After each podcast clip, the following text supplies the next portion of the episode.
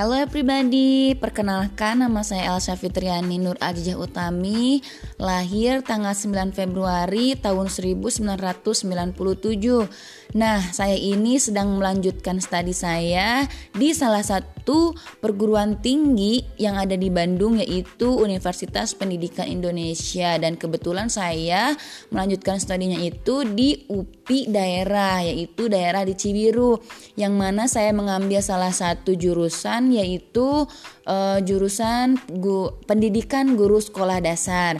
Nah, saya, saya membuat podcast ini yaitu sebagai salah satu penunjang mata pelajaran yang saya pelajari dan diampu oleh dosen saya sendiri. Nah, oleh, oleh sebab itu, selamat menyaksikan dan selamat mendengarkan ya, teman-teman. Terima kasih.